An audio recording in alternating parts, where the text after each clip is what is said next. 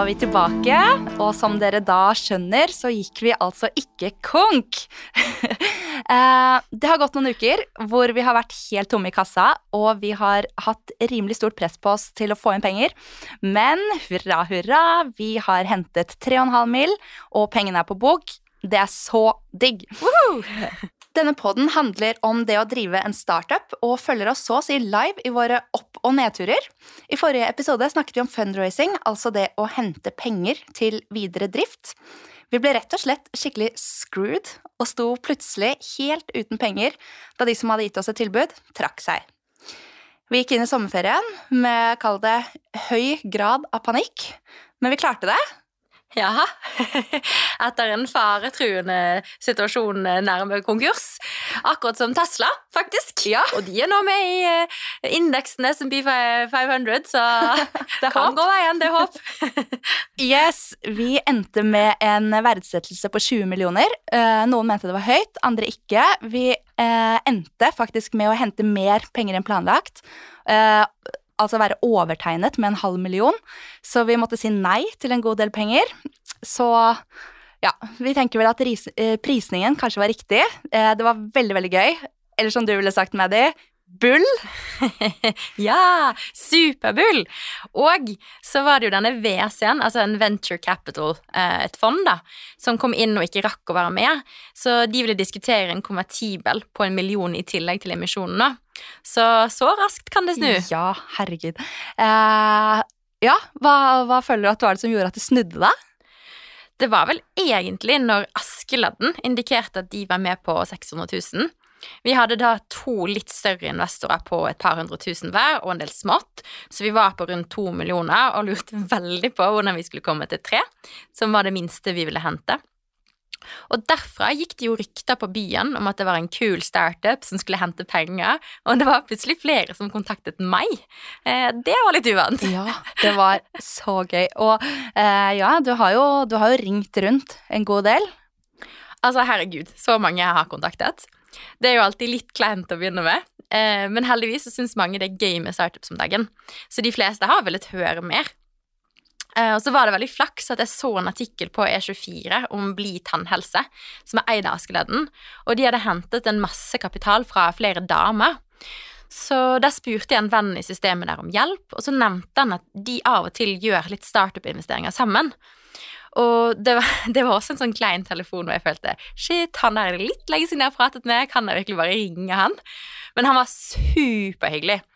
Så det er jo bare å komme ut av komfortsonen på sånt om man skal hente penger. De hadde til og med investert ganske nylig i en app som het Glede, sa han. Så og det at de kunne investere en del samlet sett, det, det gjorde jo at de var ganske nervøse for den pitchen, eller hva, Kristine? Ja, herregud. Altså, frem til nå så har det jo vært covid, ikke sant? Så vi har, eh, har gjort de aller fleste møter og pitcher online, og det er sånn da blir jeg på en måte aldri nervøs eller noe for det, for da man kan alltid ha litt stikkord, og det er litt sånn low-key på en måte. Eh, men nå har vi jo da endelig egentlig kunnet begynt å ha noen fysiske møter også, eh, og det er jo mye bedre, eller det blir jo automatisk bedre in person. Eh, men jo, så da, det var vel sånn dagen før eller noe, når jeg så at det var 27 påmeldte til Askeladden-møte, så tenkte jeg sånn, shit. Det er sånn, ikke det at liksom 27 er så mange, men det blir jo på en måte med ett mer et sånn presentasjonsformat, mer enn et møteformat, ikke sant? Og, og, og så var det det at vi vet jo så godt hvem mange av de folkene er, og øh, nesten det øh, verste også, at de vet så godt hvem Lars og Ole Kristian er. Det følte jeg litt på, så det, er sånn, det hadde vært så kleint å drite seg ut. Lars og Ole Kristian er jo da mennene våre, for de som ikke husker det fra tidligere episoder. Ja. uh, ja. Så ja, du og Ole Kristian kom jo da til oss eh, sent på kvelden dagen før, sånn at vi fikk øvd oss litt. Og de kom heldigvis med mange bra tips, og jeg tror vi sånn basically memorerte ordrett det manuset vi ble enige om der og da. Ja, det er viktig med gode råd, det òg, altså. Eh, Og øve litt. Eh, Askeladden endte jo faktisk med å investere masse i vår sammenheng. Så med det, pluss et par som ringte meg etter det, hadde vi plutselig over minstebeløpet på tre millioner. Og vi kunne sende alle en oppdatering på at vi var over grensen, pluss at vi vant pitchekonkurransen på Demo Day til The Factory. Og det i tillegg til at vi fikk ut beta-appen på Android samme uken, det gjorde at vi fikk veldig bra moment, og plutselig så, så rant det inn med tegninger. Ja, å, det var gøy. Det husker. Det var uh, Ja, nei, vi var ganske nervøse før vi nådde tre mil, ass. Men uh, ja, var det noe annet enn moment du tror hjalp deg? Jeg tror at det å fjerne alle tallene fra presentasjonen var veldig lurt. Vi hadde jo masse tall og beregninger til å begynne med, siden det er sånn jeg er vant til å lage presentasjoner fra meglerbransjen. Men jeg fikk tips fra flere startup-folk, eh, altså flere fra forskjellige kanter, at presentasjonen måtte være kortere, ha mer bilder og appellere mer til følelsene til folk. Eh, det var jo litt uvant for meg, men eh, når vi fikset det, så følte jeg faktisk at pitchen satt bedre. Ja, enig. Og ja, pitchen har vel utviklet seg like mye som både konseptet og oss, tror jeg. Eh, I begynnelsen, sånn typ for et år siden, så var vi jo litt sånn Hei, vi er Kristine og Maddy. Tenkte kanskje å bygge en investeringsapp. Uh, vi tror e-learning kan være tingen, og vi tror det å bruke sosiale medier kan være lurt. altså, ja, den var absolutt ikke så dårlig. Dette var overdrevent, men poenget var vi var ganske så Vi var på en måte ganske vage og usikre, da. Um, og nå har jo konseptet blitt tydeligere og tydeligere, og vi har pitchet og fått en del tilbakemeldinger. Så vi uh, har vel nå på en måte lært oss å si litt sånn typ de samme tingene, bare på en mye tydeligere og raskere måte. Typ bare cut the crap, bare trekke ut, trekk ut det som er viktig. Uh, nå er vi mye mer sånn bold, bare Nå kan vi si vi vet kunden ønsker dette, vi vet etterspørselen er stor, vi vet målgruppen har penger. Vi vet at brukere vil betale for dette produktet, ikke sant, og så videre. Uh, så vi, det er liksom det å tørre at vi må være litt sånn amerikansk i væremåten og si liksom, dette kan vi, her har vi stålkontroll, believe us, dette er en no-brainer, dette blir bra. Uh, uh, eller ja, altså, men ja, sånn som du sier, sånn som ja, Maddy, dette faller deg vel litt naturlig, siden, siden, du er halvt amerikansk og halvt bergenser. oh yes! Men jo, eh, det å pitche, det kan jo på en måte være ganske stressende. Føler du eh, at du blir nervøs for sånne ting? Ikke egentlig, men jeg kan angste litt i etterkant hvis jeg føler noe ikke gikk bra. Men man kan liksom ikke dvele for mye ved sånt i etterkant, så eneste man kan gjøre da, er å notere seg det og gjøre det bedre neste gang. Ja. Vi har, vi har på en måte ikke snakket så mye om eh, det å liksom nervøsitet og alt dette rundt disse pitchene våre. Eh, kanskje det er fordi at vi begge egentlig har gjort ganske mye av det før, og ikke er like stresset over sånt lenger. Jeg vet ikke. Eh, men jeg husker veldig godt sånn tidlig i karrieren min. Da uh, hadde jeg så masse presentasjoner foran mange mennesker i store saler, og da husker jeg sånn Jeg døde helt. Uh, det, var, det, var, en sommer. Jeg skulle ha en presentasjon i august, og det var sånn Jeg øvde på presentasjonen hver dag hele sommerferien. Jeg gruet meg så sinnssykt. Men det gikk jo dritbra, og det var veldig gøy. Uh, og det er sånn, jeg snakker alltid så mye med søsteren min om sånne her ting, fordi vi begge to har en sånn tendens til å havne i sånne ukomfortable situasjoner.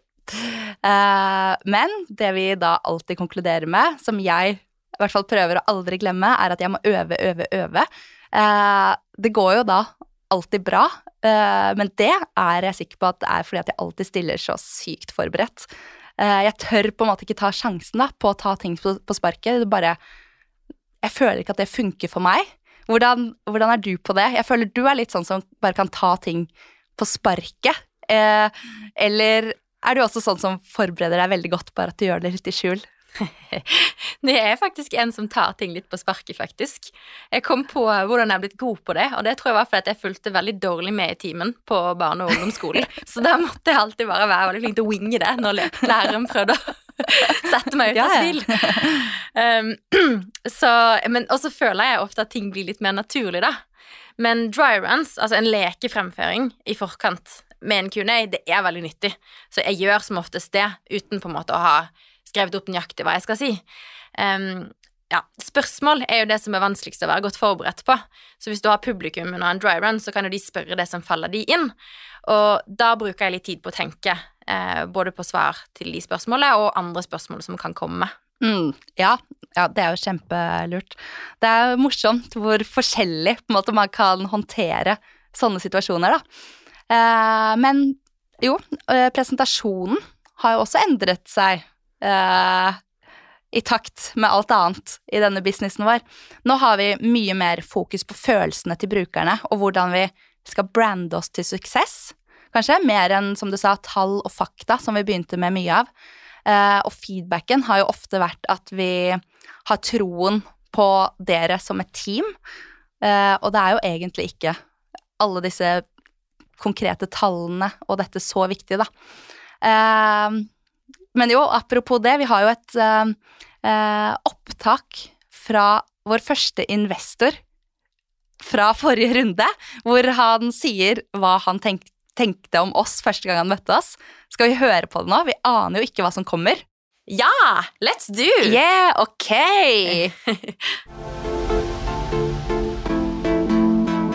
StackByMe er et utrolig spennende selskap. Etter å ha investert i veldig mange selskaper, så har jeg lært meg en ting, at eh, vi investerer i gründere, gründere og gründere. Eh, Madeleine og Kristine er eh, fantastiske gründere. De kommer til å lykkes. Og det er ingen tvil om i dette caset her, at vi trenger ikke å tenke total adjustment market, for markedet er enormt stort. Disse kommer til å få det til. Å, det var hyggelig, da. ja. Gründere, gründere, gründere. Det, det, er oss, det, Kristine. ja, ikke sant. Teamet, det, vi har jo fått høre det. At uh, det er jo ofte det de investerer i tidlig. ja. Men uh, ja, da fikk vi jo hørtes det ut som at vi fikk overtalt han i hvert fall til å mene at vi er det rette teamet, da. Og det er jo bra. ja, vi gir jo det. ja.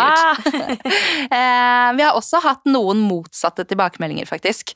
de som de, Altså, de har vi jo ikke på tape, da, men det var vel ofte én ting som kom opp som viktigste grunn blant de som ikke investerte. Ja, det var ikke det at teamet var feil, da, men, men uh, heldigvis. Ja. Uh, men det var det at ikke de skjønte uh, målgruppen, og at da kunne de ikke bidra. Um, det er jo det typisk. Mm. kvinnesegmentet. Mm. Men jeg tror det du tenker på, og det andre, det var vel at vi gapet over for mye. Ja, akkurat det. og jeg kan jo si meg litt enig i det. Vi skulle lage investeringsplattform, bygge community og ha opplæring og all det contentet som kommer med det. Mm. Så det er jo mye. Ja. Um, så vi hadde jo en prat med rådgiverne våre, altså mentorene, og vi hadde et advisory board meeting uh, og sånn. Ja, jeg skjønner jo godt at folk liksom bare tenker ok, hvordan skal de klare alt det der? Ja, det tenker vi oss selv òg. ja, men det vi kom frem til, det var jo på en måte at community-biten den ligger klar, og den skal jo mhm. bygge seg selv. Og det er en viktig del av markedsføringen. Og så er jo på en måte opplæringen i investeringsplattformen så, så nært knyttet. Mm. Du kan ikke droppe opplæringen heller. Nei. Det har vi jo funnet ut nå når vi skal faktisk selge verdipapirer også, at uh, hvis du er nybegynner, så er jo egentlig anbefalingen at du ikke får lov til å investere. Eh, ja. Med mindre du har tilgang på noe opplæring. Og da kan jo vi bare vise sånn Ok, men da burde du se disse videoene før du begynner. Men selvfølgelig kan man jo uansett handle på eget ansvar, da. Mm. Ja, så det er jo et veldig godt poeng at man liksom ikke skal gape over for mye. Eh, og vi tok det jo veldig til oss. Eh, ja, så, spesielt da med så få som vi er, eller som man er på starten, så må man jo bare innse at man kan ikke få til absolutt alt på en gang heller. Så ja, prioritere. og heller gjøre de få, eller de viktigste tingene bra, da. Ja, Eh, si, eller jeg er jo veldig fan av den 80 %-regelen. Sånn Community-biten kunne jo sikkert blitt bedre, men den var der, og den var bra nok. Ja. Og ting trenger ikke alltid være 100% perfekt, bare det er godt nok. Ja. Skal alt være perfekt, så bruker man unødvendig mye tid på det også. Det er akkurat det man gjør, og vi endrer jo ting hele tiden også, så det er jo like greit da at vi ikke har gravd oss altfor dypt ned i de tingene vi blir nødt til å scrappe. Ja, Det er veldig, veldig Det er jo bare kjipt. Da vil man liksom ikke scrappe det heller. Så ja. Men eh, ja, Anders eh, investerte jo da i første runde. Tenker du at investorene ser etter det samme nå? Forskjellen på nå, eh, denne runden, og når vi hentet penger i januar-februar, det er vel egentlig at vi har vist at vi klarer å lage en fungerende app og at vi nå har en klarere plan for hvordan vi skal få aksjehandel på appen, som jo er hovedfunksjonaliteten. Og så ble jo designet oppgradert en god del mot slutten av emisjonen, og det tror jeg var viktig. Det var en investor som vi snakket med litt tidlig, som mente at designet var for dårlig i forhold til den prisen vi satte på selskapet. Og vi prøvde å få dem med på slutten, men det er vanskelig å snu noen når de har bestemt seg. Så der er vel lærdommen at man ikke burde gå ut for tidlig. Samtidig så brukte vi jo lang tid på å finne ut hvem investoren skulle være. Så det taler jo for å bare begynne å prate med folk, egentlig. Ikke sant. Hvordan ville du som eh, jobbet mest med dette, anbefalt en tidligfase B2C-startup sånn som oss å gjøre det, da, basert på de erfaringene vi har nå? Det er viktig å ha et team på plass, det er nok det første. Og uten det så er det nok vanskelig å hente penger. Eh, du kan starte tidlig med å prate med folk, bare kartlegge og bygge nettverk uten en presentasjon. Og så vil jeg lage en enkel presentasjon med lite tall og mye bilder, som jeg snakket om, eh, når produktet er klart nok. Og så vil jeg skaffe en hovedinvestor som man kan skryte litt av før man setter i gang prosessen. Det hadde jo egentlig vi, men han forsvant jo, som dere hørte i forrige episode. Så um, ja, kanskje um, være sikker på at den vedkommende er en du stoler på og kjenner godt, sånn at de ikke de trekker seg. Uh, for det trenger ikke være en proff engel eller noe, eller et proft fond. De liksom proffe englene i Oslo følte jeg kastet bort veldig mye av tiden vår. Uh, for oss så ble det jo da til at jeg kunne melde om at gamlesjefen min, som tilsier at jeg er flink i i jobben min, og en annen bekjent som har masse relevant erfaring, var med på et par hundre tusen hver. Ja, altså hold dere unna såkalte engler, eh, vil jeg si. De fleste som sier det at de er det, de får helt vilt mange pitcher, og de vil jo spre seg ut, ikke sant? så da investerer de kanskje 50 000-100 000 i hver deal. Og da må du treffe blink hos veldig mange hvis du skal hente et par millioner. Så vi følte i hvert fall at venner, bekjente og venner og nettverk var et mye, mye sikrere skudd. Eh, så hvis du skal fokusere tiden din, da, ville vi fokusert det. Og så det siste er jo at folk får helt sykt formo når det er overtegnet. Så kanskje heller satse på et konservativt beløp, og så kan man heller øke om mange blir gira. Mm. Det er vel liksom de hovedpunktene ja. som jeg tar med meg videre. Enig. Uh, ja, som dere skjønner, da, så går det jo veldig opp og ned i, i en startup, og spesielt når det gjelder fundraising. Vi har jo trodd uh, at vi har måttet legge ned flere ganger. Vi har vært fulltegnet to ganger, og til og med overtegnet. Så det har jo altså vært en skikkelig berg-og-dal-bane. Og faktisk så har vi ikke egentlig alle pengene på bok i dag heller, men regnskapsføreren hos den siste investoren da, mente jo at det er null risiko nå, så nå virkelig bare gambler vi på at dette går i mål. Jeg durer på med podkasten, selv om vi, ja, vi er, er vel sånn bitte litt nervøse fremdeles, men uh, Sånn er det. Samtidig som fundraising så er det jo også 100 andre parallelle ting. Uh, vi har masse avtaler som skal på plass, med lisenser og konsesjon og diverse research på hvilken vei vi skal velge. Vi bygger team, vi bygger community, vi bygger opp et brand. Og selvfølgelig, vi lager jo en app. Uh, og det er jo virkelig ikke gjort over natten, for å si det mildt. Uh, og det er jo ikke en helt enkel app vi skal lage heller. For ikke å glemme, da, vi er jo begge to i perm. Jeg har nå akkurat fått nanny til Cleo, men Eddie ble jo født nå rett inn i fundraising-kjøret. Så et sånt uh, lite spørsmål om det på tampen, da. Hvordan synes du det har vært uh, måte med baby kombinert med dette? Det er jo ditt første barn. Uh, det har vært en stor overgang for deg. Og tenker du på en måte, er du redd for at du kommer til å angre på at du har hatt så mye fokus på stack? Altså, Eddie han har jo sovet så mye frem til nå at jeg føler at det har gått overraskende bra. Nå, når han er blitt fire måneder, er han mer våken, så da prøver jeg å bare jobbe når han napper, eller ø, på kvelden når han sover for natten. Hvis ikke Ole Kristian er hjemme og kan leke med han. Eh, og det er jo faktisk en del timer, det. Han sover fra syv og utover, mm. og så sover han to-tre timer på dagen. Så det det går mest utover, er vel egentlig mitt sosiale liv og trening. Eh, det, det, går det skikkelig dårlig med. Å ja, ja. Jeg føler vel egentlig litt sånn det samme på det siste punktet der. Eh, det er i hvert fall veldig, veldig imponerende hvordan du har håndtert alt, altså. Eh, jeg føler jo virkelig at vi går inn i dette med alt vi har, i tillegg til typ all tiden vår, da, så, og alle sparepengene våre, så har vi jo nå også fått inn masse venner som investorer. Så det gir oss ikke akkurat mindre press på å lykkes.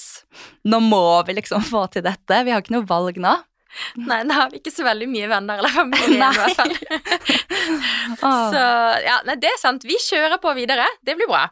Og forresten, hvis dere vil høre den pitchen vår fra Demo Day med The Factory, som gjorde at vi vant delfinalen fra Oslo, eh, og som igjen jeg tror var nøkkel til å få litt moment i emisjonsprosessen vår, så ligger den på nettsiden vår, www.stackby.me, under Om oss. Ja. Og ja, nei, nå er det masse, masse gøy som skal skje fremover. Neste episode så tenkte vi at vi skal snakke om blant annet det uh, om hvordan vi endte på navnet Stack by me. Så hvis dere lurer litt på hvordan startups velger navn, og har litt tanker rundt dette, så følg med neste, neste gang. Yay! Yay! Konge! Hele episoden uten at de våknet til og med. Ja.